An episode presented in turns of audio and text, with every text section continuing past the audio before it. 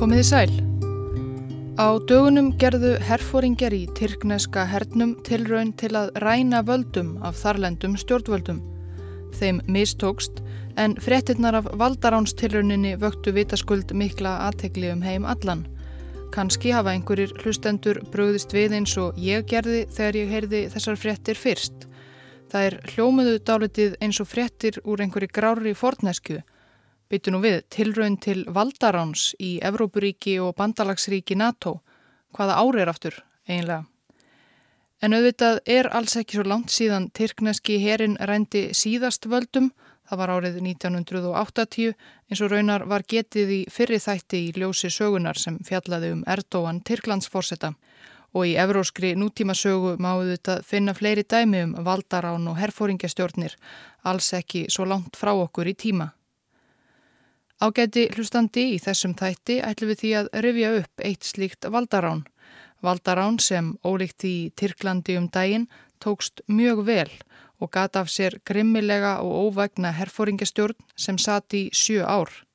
Við ætlum til næstu nágranna Tyrkja, Gríkja.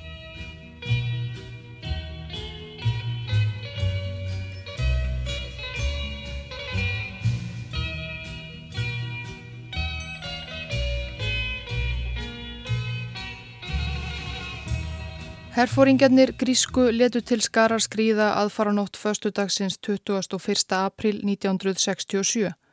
Fyrir flesta komu fréttinnar eins og þrjum ár heiðskýru lofti.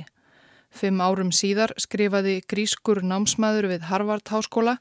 Hann vildi ekki láta nafnið sitt fylgja með greininni því hann hafi flúið ofsóknir herfóringastjórnarinnar til bandaríkjana um þennan örlagaríka dag í háskólablaðið Harvard Crimson. Stjórnmálamenn í miðjunni og á vinstrivagnum hafðu talað um hættuna á valdaráni mánuðum saman en enginn bjóst við því að það myndi gerast í alvörunni.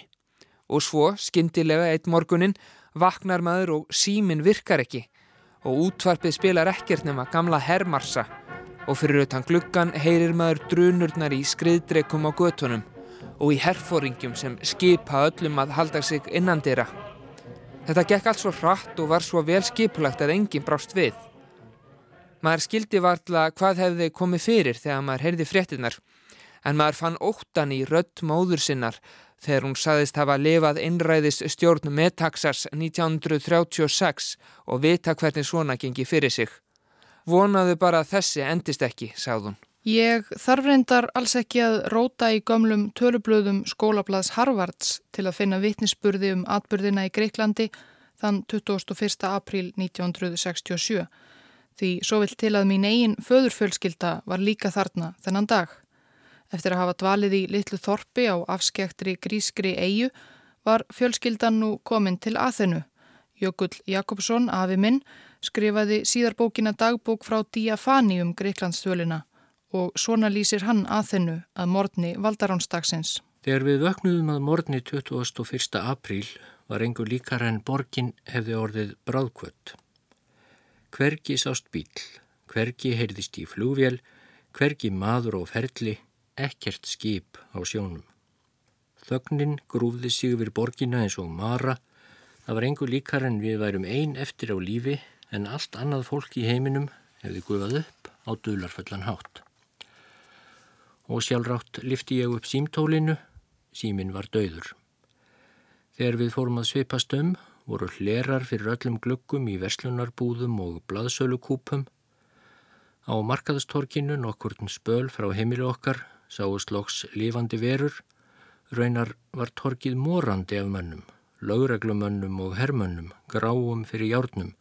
Á gatnamótum stóðu skriðdrekkar og brinnvarðir vagnar og býðu átekta. Í skjóli nætur höfðu skriðdrekar mjakað sér fram úr fylsnum sínum í herstöðum borgarinnar og komið sér fyrir viðsvegarum aðhennu á strategískum stöðum, á torkum og við ofinberrar byggingar.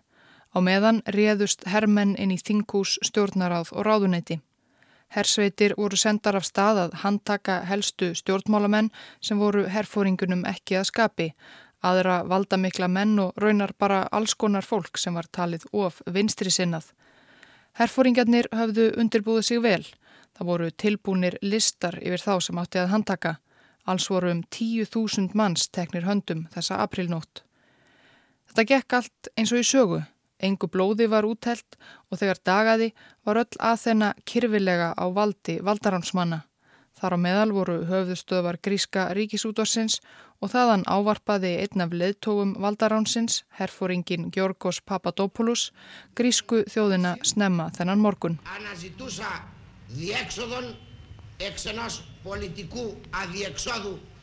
Skilabóðin voru skýr. Herin hafði tekið völdin í Greiklandi. Stjórnarskráin hafði verið fælt úr gildi svo að herin gæti raun gert hvað sem þeim dætt í hug til dæmis handtekið hvert sem er, hvenar sem er og komið fram við hann hvernig sem þeim síndist. Annar staðar í borginni helt Jökull Jakobsson áfram göngu sinni um hverfið sitt. Það kom í ljós að brauðbúðin var opinn ein allra búða. Þar inni var þröng óbreyttra borgara og kefti hver brauð sem betur gatt eins og hægt var að bera. Unstekin var upp skömmtun, hver maður, tvö brauð, setna um daginn tókst að hafa upp á rauðvinskút í lítilli skonsu. Að öðru leiti nærðust menn á tilskipunum sem stremdu út um útvarpstækin þegar hljevar gert á búsúki. Herin hafði tekið öll völd í landinu, herin hafði bjargað þjóðinni frá því að falla í hendur kommunistum, lengi lifi hinn gríska þjóð, lengi lifi konungur vor, lengi lifi hið eilífa Greikland. Útgöngubann hafði verið sett á í borginni, hver sá sem sást á ferli eftir klukkan nýju í kvöld yrði skotin um svifalust. Herrlög gildu nú í landinu, dauðadómur innleittur og margskonar nýjungar aðrar. Þar á meðal var málfrelsi afnumið. Egi máttu fleiri en fimm manns koma saman. Engin mátti skjóta skjólshúsi yfir nokkurd mann án lögreglu leifis. Þá var bönnuð sala útlendra blada en innlend blöð rittskoðuð.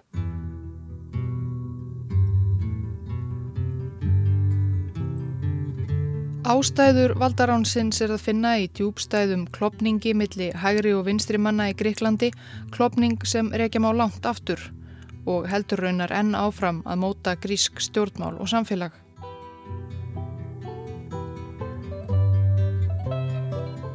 Þískaland réðist inn í Greikland í april 1941. Greikir hafðu þá þegar verið í stríði við bandamenn þjóðverja Ítali í hálft ár. Gríski herin hafði haldið uppi hetjulegri vörn gegn ítölum og að lokum snúið vörn í sókn en þegar þjóðverjar voru komnir með í spilið áttu gríkir lítinn séns. Greikland var komið á vald öksurveldana í júni 1941. Greikland var konungsveldi á þessum tíma. Konungsfjölskyldan hafi verið sótt til Danmerkur á ofanverðir í 19. öld og konungurinn Georg Annar var því barna barnabarn Kristjáns nýjunda Danakonungs. Hann flúði til Egiptalands og þaðan til Bretlands þar sem hann fór fyrir grískri útlagastjórn. Sú stjórn átti þó eftir að skipta tiltölulega litlu máli í þróun mála í heimalandinu næstu mánuði og ár. Eftir herrnámið voru ímsir ansbyrnu hópar og sveitir stopnaðar til að berjast gegn þjóðverjum og bandamönnum þeirra. Fyrir utan samnefnaran að vilja losna við herrnámsöflin aðhyldust þessir hópar ímsar stefnur og krettur. Fremst í flokki ansbyrnum manna var þjóðfrælsisfylkingin ELAS sem átti rætur sínar í gríska kommunistafloknum en innan raða hennar voru líka ímiskonar vinstrimenn aðrir. Önnur sterk fylking kallaði sig EDES og var skipuð líðveldisinnum sem höfnuðu bæði kommunismannum og konunginum. Stórskorið fjallendi Gríklands hendar vel til skæruhernaðar og ansbyrnumönnum varð vel ágengt í baráttu sinni við innrásaröflin sér í lagi í sveitum. Um 1943 voru Öksulveldin nær engöngu með helstu borgir og bæi á sínu valdi en sveitirnar áttu ansbyrnumenn. Og þegar fór að hitla undir það að hægt væri að ráða niðurlögum hernámsablana um leið og þjóðverjar fóru halloka bæði í Sovjetríkunum sem á vikstöðum á Ítalíu og setna Fraklandi, þá gerðist það auðvitað að ósættið millir hinn að ólíku fylkinga ansbyrnumanna fóruð aukast sömuleiðist. Allir vildu ansbyrnumennir, kommunistarnir, jamt sem líðveldi sinnar, jú að þeirra pólitíska stefna er því ofan á í hennu nýja frjálsa Greiklandi. Kongurinn sem satt í Breitlandi með útlagastjórn sinni var einlega alveg glemtur. Og svo var auðvitað farið að berjast innbyrðis. Jável áður en búið var að sjá að baki þjóðverjunum voru ELAS, vinstrimennir og ETES, and kommunískir líðveldisinnar, farnir að berast á banaspjót. Þjóðverjar og bandamenn þeirra hörfuðurloks frá Greiklandi í oktober 1944 og þá byrjuðu erjurnar fyrir alvöru um hver ætti að fylla það tómarum sem myndaðist við lok hernámsins. Kommunistar höfðu búið sig vel undir þessa stund og voru í sterkri stöðu, áttu upplugt bakland í sveitum landsins þar sem þeir höfðu sumstaðar í raun ráðið lögum og lofum lengi, komið upp bæjar og þorpsráðum og svo framvegis. En þó svo að sjálfri heimstyrjöldinni væri í raun ekki lokið, þá var kaldastríðið þegar að hefjast. Bretum og bandaríkjamönnum hugnaðist illa að kommunistar kæmust til valda í Greiklandi og landið myndi þá lenda á áhrifasvæði Sovjetríkjana. Bretar hafðu allt frá því á dögum Bærons lávarðar verið miklir áhrifamenn í Greiklandi og fyrstum sinn reyndu þeir að fá ansbyrnurreifingarnar til að vinna saman í þjóðstjórn. En það andaði mjög köldu þarna á milli og kommunistum fannst þeir hlunfarnir. Þegar þeim var svo skipað að leggja nefur vopn og renna saman við saminaðan grískan þjóðarherr, neituðu þeir og yfirgáðu þjóðstjórnina. Og þá sögðu upp úr. Í desember 1944 mótmæltu kommunistar á gödum aðhennu Öryggisveitir réðust á mótmælendur að fullum krafti, svo blóðugir bardagar geysuðu fljótt á göttum borgarinnar. Breski herin skarst í leikin og tók þátt í því að berja á kommunistunum. Skrítin staða fyrir breyta sem skömmu áður höfðu aðstóðar ansbyrnu sveitir kommunista í baróttunni gegn þjóðverjum. We're broadcasting the Battle of Athens Ófriðurinn millir kommunistana í Elas og stjórnvalda og breyta stóði um mánuð og lauk með ósigri Elas í áspyrjun 1945. Vígamenn Elas hörfuðu margir upp til fjalla þar sem þeir söpnuðu kröftum. Í mars 1946 letuður svo til skaraskríða á ný með árásum á lauruglu og herstöðar. Fyrir varir var allserjar borgarastyrjöld skollin á. Hún stóði meira en þrjú ár Bæði hersveitir kommunista og stjórnvalda frömdu Ímis óhæfiverk og mest mætti auðvitað á almennum borgurum. Bandaríkjaman stuttu stjórnvald með ráðum og dáð og dældu peningum í baráttuna gegn kommunistum, svo loks tókst að ráða endanlega niðurlögum þeirra í oktober 1949.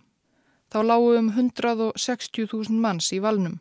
Efnahagur Greiklands var í mólum í enn verra ásikomulægi en eftir heimstyrjöldina og gríska þjóðin var klófin millir vinstri og hægri og full vinslitt voru staðrind. Þessi klopningur átti eftir að móta gríst samfélag og sögu næstu áratugina. En í dag eru sár styrjaldarinnar varla gróin svo að áhrifa þeirra gætir enn í grískum stjórnmálum.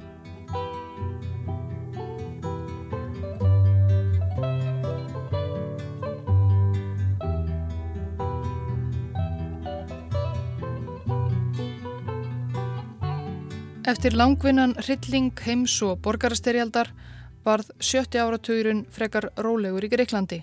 Vesturlönd, sérilagi bandaríkjaman, heldu áfram að dæla peningum til Greiklands í formi marsjalaðstóðar. Á móti heldu grísk stjórnvöld vinstrimönnum í skefjum svo að bandaríkjaman þyrtu nú öruglega ekki að hafa neinar áhyggjur af því að sovjetmenn seildust þar til áhrifa. Ótal kommunistar og vinstrimenn voru fangelsaðir en fleiri flúðu ofsóknir úr landi. Þetta voru erfiðir tímar til að vera vinstri maður í Gríklandi. Allar skoðanir sem gáttu flokkast sem til vinstri voru litnar hortnöga. En það var allavega nóg af peningum. Smám saman byrjaði landið að rýsa úr rústum styrjaldana og efnahagurinn tók við sér. En þegar leið á sjönda áratugin byrjuðu sprungur að myndast í þetta brotætta fyrirkomulag. Í april 1964 lést Páll konungur úr krabbameini og konungstól settist sonur hans, 23 ára, sem fekk konungstitilinn Konstantín Annar. Eins og gríska konungsfjölskyldan öll var hann af dönskumættum, barna, barna, barnabarn Kristjáns nýjunda. Og eins og til að undirstryka dönsku tengslinn giftist hann skömmu eftir hann tók við krúnunni frængu sinni öðru barna-barna-barna-barni Kristjáns gamla, dönsku prinsessunni Önnumaríu, dóttur Fridriks nýjunda. Anna-Maria er sem sé yngri sýstir Margreðar sem nú er danadrottning. Hún var nýjórðin 18 ára þegar hún og Konstantín Kongur gengu í hjónaband við mikla viðhöfn.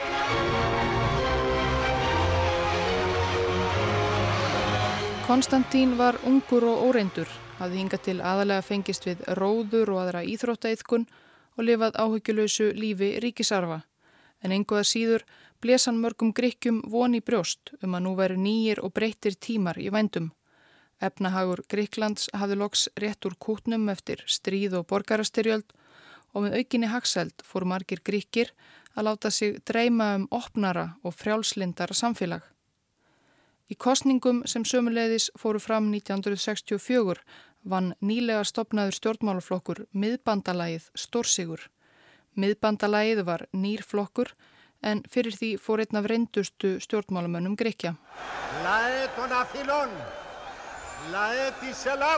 Georgos Papandreou var fættur 1888 og hafi verið aðsópsmikill í grísku þjóðlífi allt frá því fyrir fyrir heimstyrjöld. Hann var mentaður í Þýskalandi og aðhyldist evróska jafnaðarstefnu, var á móti konungsveldinu og sömuleiðis kommunisma. Hann hafi gengt ímsum valdastöðum í gríska stjórnkerfinu í gegnum tíðina eftir því hvernig vindar blesu, meðal annars verið forsættis á þeirra um stutt skeið eftir stríðið. Sjötti áratugurinn hafði reynstunum erfiður eins og öðrum sem tilherðu ekki valdaklíkum hægri sinnaðra konungsina en upp úr 1960 hafði frjálslindum líðveldisinnum loks tekist að saminast undir merkjum miðbandalagsins og með Papandreou í fóristu. Meðal annara fóristumanna bandalagsins var einnig sonur hans, Andreas Papandreou, sem þótti enn vinstri sinnaðri en fadurinn og mikill baráttu og æsingamadur og var Andreas því hægri mönnum mikill þyrnir í augum. Ungi konungurinn Konstantín var meðal þeirra sem taldi sér stafa ógn af uppgangi papandri og feðga og miðbandalags þeirra. Kongur reyndi fyrst að grafa undan feðgunum með því að telja liðsmenn miðbandalagsins á að yfirgefa flokkin og svo reyndi hann einfallega að bóla þeim burt af stjórnmálasviðinu. En þetta var allt saman klúðurslegt eins og raunar flest annað sem Konstantín tók sér fyrir hendur. Úrvarð flókin og langvinn stjórnarkreppa sem gerði ekkert nema auka á klopningin í grísku samfélagi og engin leið virtist að lokum að leysa úr nema að bóða til nýra kostninga. Þær voru bóðaðar þann 28. mæ 1967 þegar nærdró kjördegi benti allt til þess að miðbandalag Papandreus myndi verða stærsti flokkurinn á þingi en þó ekki nægilega stór til að stjórna einn. Líklega er því eini kostur flokksins að mynda samsteipustjórn með öðrum minniflokki, vinstirflokknum ETA eða sameinaða líðræðislega vinstirflokknum. ETA var eins og nafnið gaf til kynna líðræðislegur sósjalistaflokkur en honum tilherðu margir gamlir kommunistar og menn sem höfðu barist með kommunistum í borgarstyrjöldinni. Grískir hægri menn litu því flokkin hortnöga grunuðu hann um að vera úlfur í sögðargæru, gamli kommunistaflokkurinn sem var harðbannaður í líðræðislegum búningi. Kostningarnar gætu því orðið til þess, óttuðust hægrimennir, að þeirnir hötuðu kommunistar kæmust að kjöttkvöllunum. En hvort súhauðu orðið raunin vitum við ekki, því þessar kostningar urðu aldrei. Rúmum mánuði fyrir kjördag tók herin völdin í Greiklandi.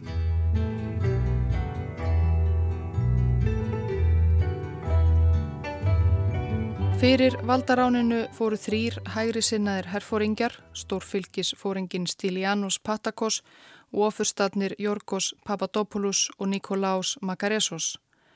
Þetta voru alls ekki aðstu menn hersins og en almenni Gríki þekkti ekki mikil deili á þeim áður en þeir byrtust skindilega í útvarpi og sjónvarpi sem nýjir valdhafar. Yfirleitt var það Papadopoulos sem talaði fyrir stjórnina. Hann var lengi forsættisráð þeirra herrstjórnarinnar en tók líka að sér ímis önnur ráð þeirra ennbætti og gerðnan mörg í einu.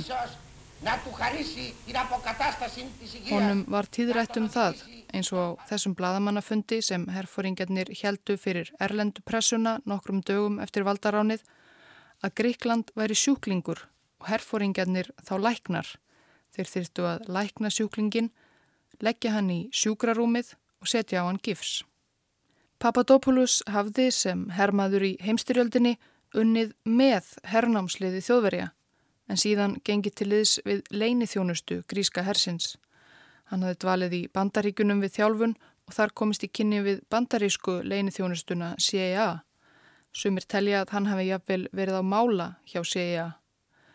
Það er ekkit sem sannar það, nýja að CIA hafi beint haft nokkuð með framkvæmt valdaránsins að gera en nokkuð ljóst að bandarísk yfirvöld kunnu því ekki ítla að til valda í Gríklandi kemist menn sem litu á það sem sitt helsta verkefni að halda hættulegum kommunistum niðri.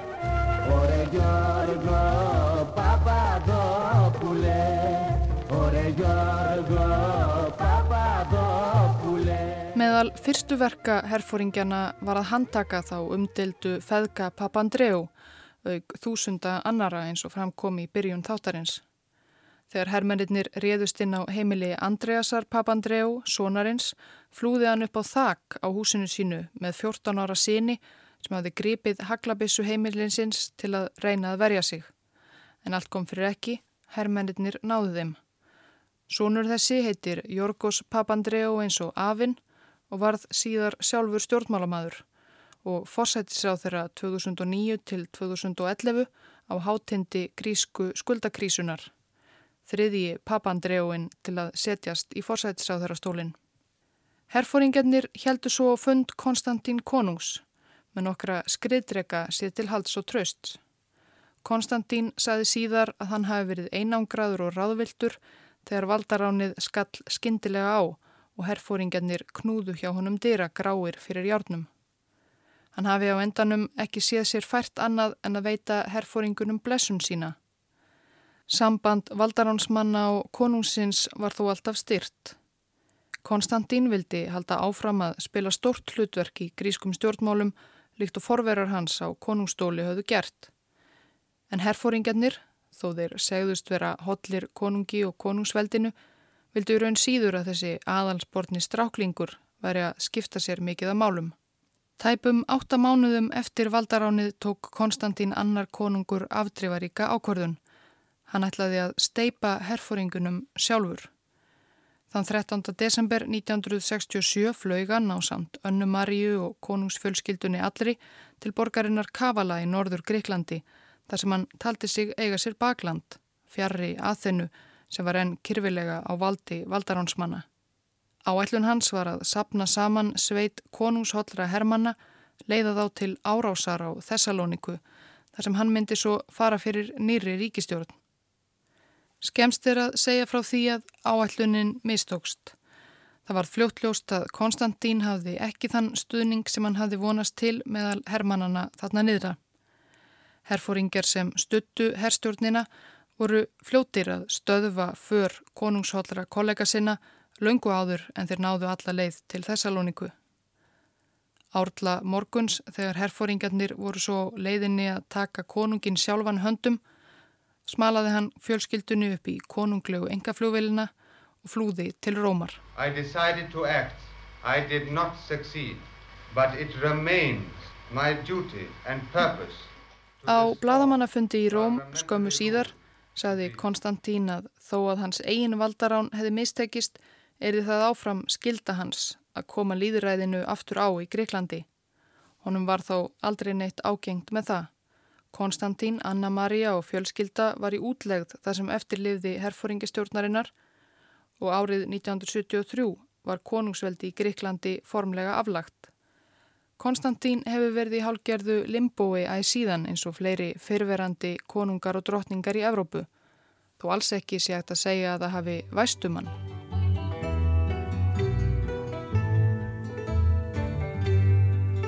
En aftur að herfóringunum. Þegar versta sjokkið vegna hins skeindilega valdaráns var afstæðið, fór lífið aftur að ganga sinn vana gang. Já, kannski ekki alveg sinn vana gang. Það voru jú herrlög í gildi, nokkrir herfóringjar fóru með stjórnlandsins, stjórnmálaflokkar voru bannaðir, þúsundir manns í fangelsi og harðbannað að andmæla og svo framvegis. En herfóringarnir pössuðu sig á því að daglegt líf hins almenna grikja færi ekki allt of mikið úr skorðum. Meðal almennings voru skiptarskoðanir á atbyrðunum 21. april eins og Jökull Jakobsson komst á snóðirum á ferðum sínum um aðeinum. Legubílstjóri einn sem ók mér um borgina og mælti á þýskatungu hvaðist einu sinni áður hafa upplifað innræði, diktatúr í Greiklandi, föðurlandi sínu og það hefði verið góðir dagar, fríður og ársælt. Hann hvaðist í fegin að einræði væri nú komið á aftur. Starsbróðir hans, sem skömmu setna og kvarangri okkar niður á Hafnarbakka í Píreus í veg fyrir skip, var ekki eins hrifin. Ég er kommunisti, saði hann berum orðum og vissi þó ekki nema ég kæftaði þessu í spórhunda patakossar. Hann bölvaði herfóringjaklíkunni í sand og ösku og spáði henni öllu íllu. Efnahagur Greiklands held líka ótröður áfram að batna. Bandarískur bladamæður sem heimsótti að þennu nokkrum misserum eftir valdaránið lísti ástandinu svona. Viðskiptin blómstra og lífsgæðin aukast. Flestir eru sáttir við hagsinn og hafa lítinn áhuga á stjórnmálum. Af gamlu forréttindastjettinni tekur nú við önnur og stærri mestmægnis úr sveitunum herfóringjar og vildavinnir þeirra í viðskiptageiranum. Þeir eru kannski ekki sérlega kænir en í augnarbleikin eru grykkir þreyttir á pólitískri kænsku. Það ástand varir kannski eitthvað lengur en ekki að eilífu því grykkin er pólitískur og fyrir eða síðar fær hann leiða á því að vera útilókaður af stjórnmálasviðinu. Þessi tögn er óeðlileg. Á endanum verða herfóringjarnir að breytast eða láta sig hverfa. Hlutirnir gengu sinn vana gang en auðvitað var það bara á yfirborðinu. Þetta var laurugluríki, það var fylst með öllu, ætlast var til þess að fólk njóstnaði um nágranna sína, ef skekk kynni að þeir gerðust uppvísir um einhvers konar andof gegn herstjórninni. Símin var hleraður og ekki farið í sérstakar gravgötur með það.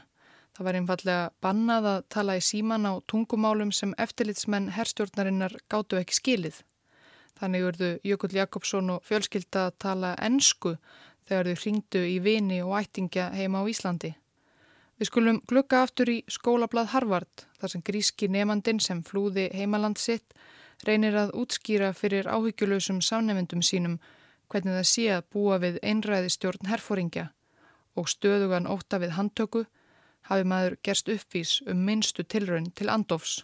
Þeir koma snemma morguns, það er bankað, maður opnar og þar eru tveir í dökku búningunum sínum með skigð, glerugu og snirtileg yfirvara skegg.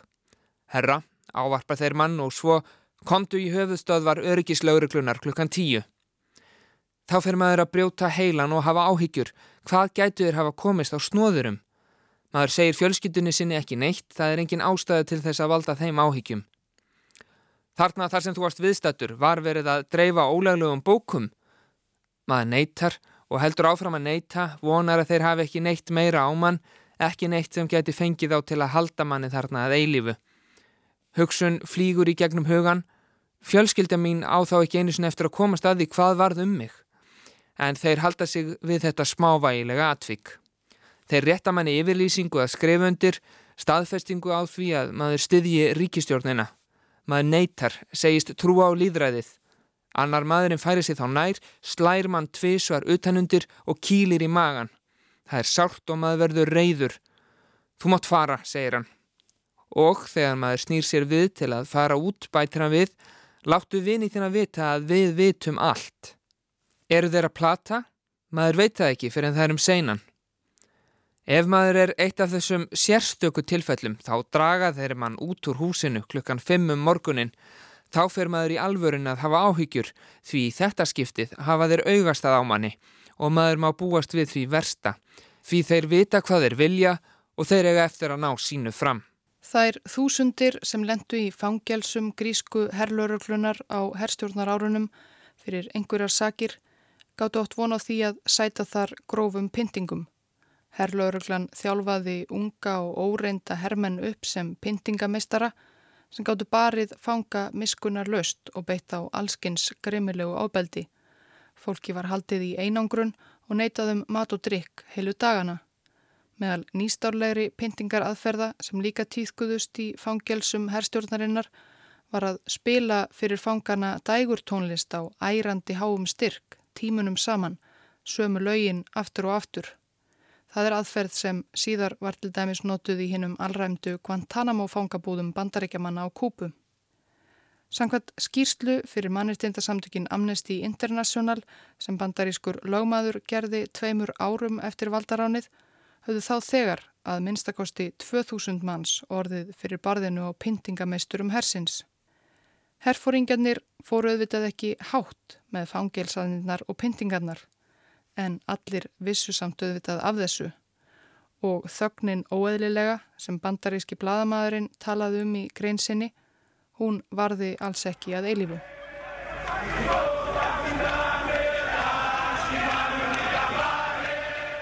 Þann 14. november 1973 byrðu nemar við tækniskólan í Aþenu, Politeknió, sig inni í skólabyggingunni til að mótmæla ofriki herfóringana.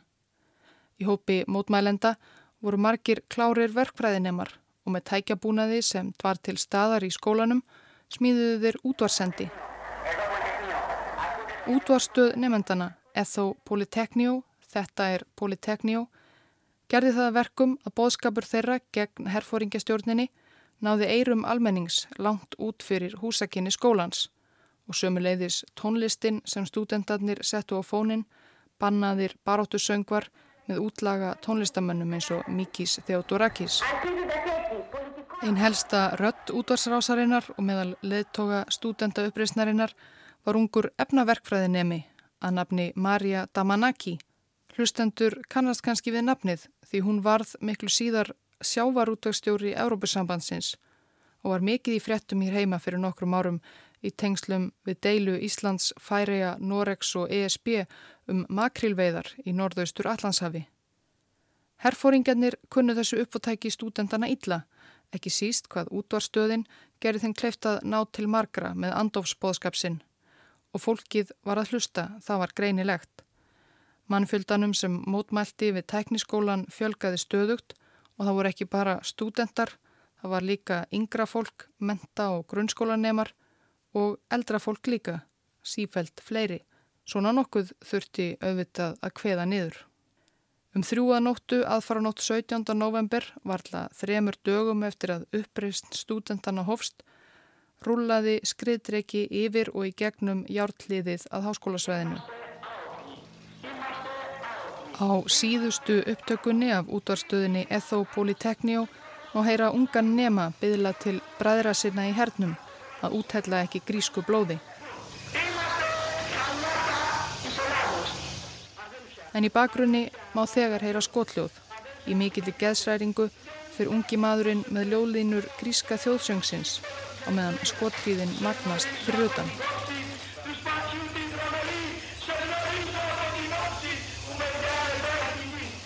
Svo þagnar útsending Etho Polytechnio í hinsta sinn.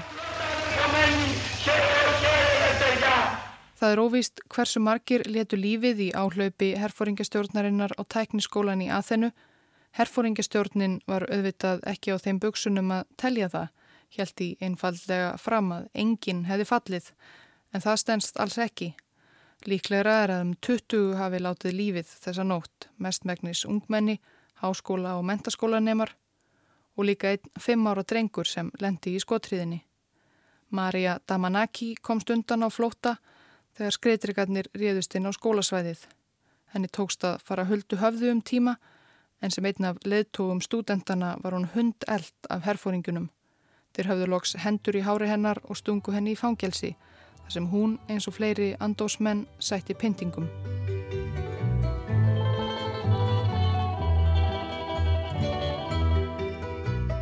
Þetta var byrjunin að endinum fyrir herfóringjana. Þegar stúdendarnir við Politekníu rísu upp hafði herfóringastjórnin undir stjórn Jorgosar Papadopoulos rétt verið byrjuð að losa örlítið um taumana. Herrlögunum var aflétt, rittskoðun minguð og svo framvegis.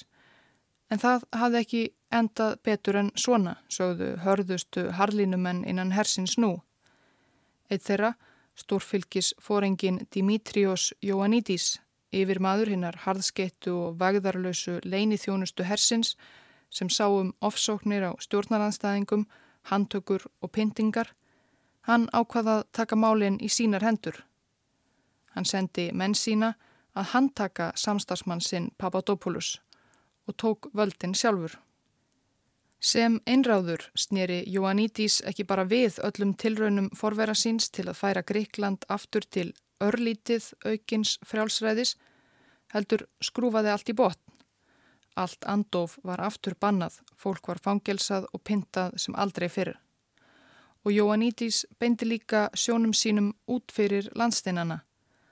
Það hefur löngum verið draumur margra gríkja að sameina alla grísku mælandi undir merkjum gríska ríkisins Eian Kýpur hafði árið 1960 fengið sjálfstæði frá bretum. Þar byggu ekki bara gríkir, líka margir tyrkir síðan Eian hafi verið hluti tyrkjaveldis. Það var alltaf fremur styrt á milli þjóðarbrótana tveggja á eigunni og deilur og skærur tíðar. Margir grískir kýperjar vildu gerðnan helst saminast Gríklandi en skiljanlega voru þeir tyrknesku ekki eins áfjáðir í það. En hvað um það? Nú ákvað Dimitrios Ioannidis að gera alvöru úr hlutunum. Hann skipulaði valdarán grísk-kýpverska hersins undir stjórn Gríkja.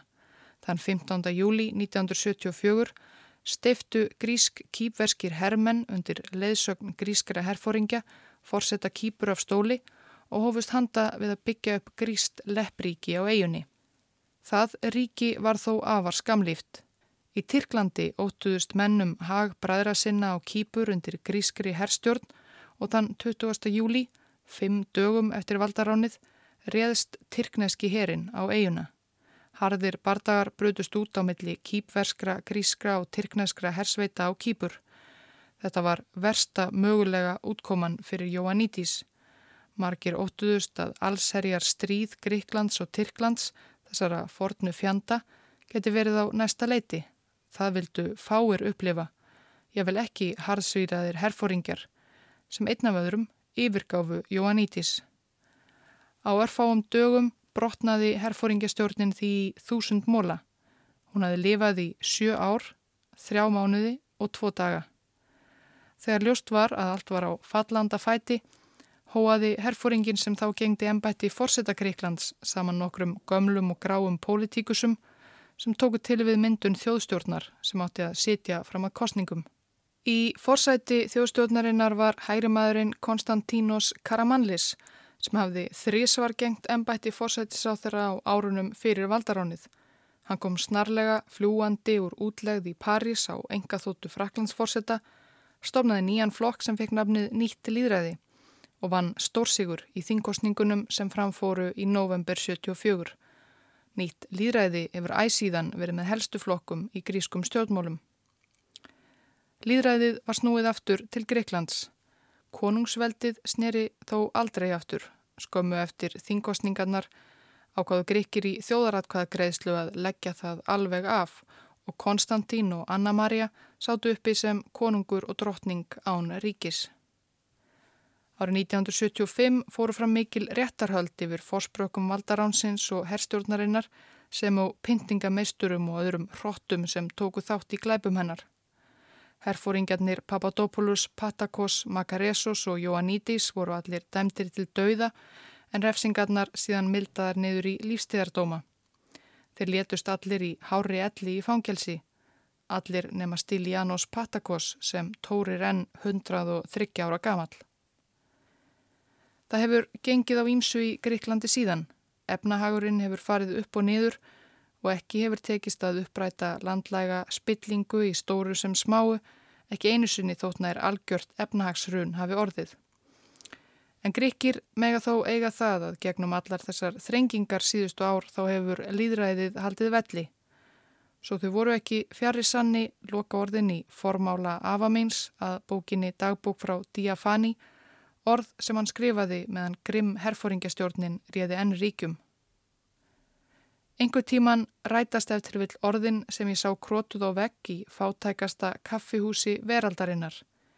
Í Þímokratia þannig kísi, líðræðið mun sigra.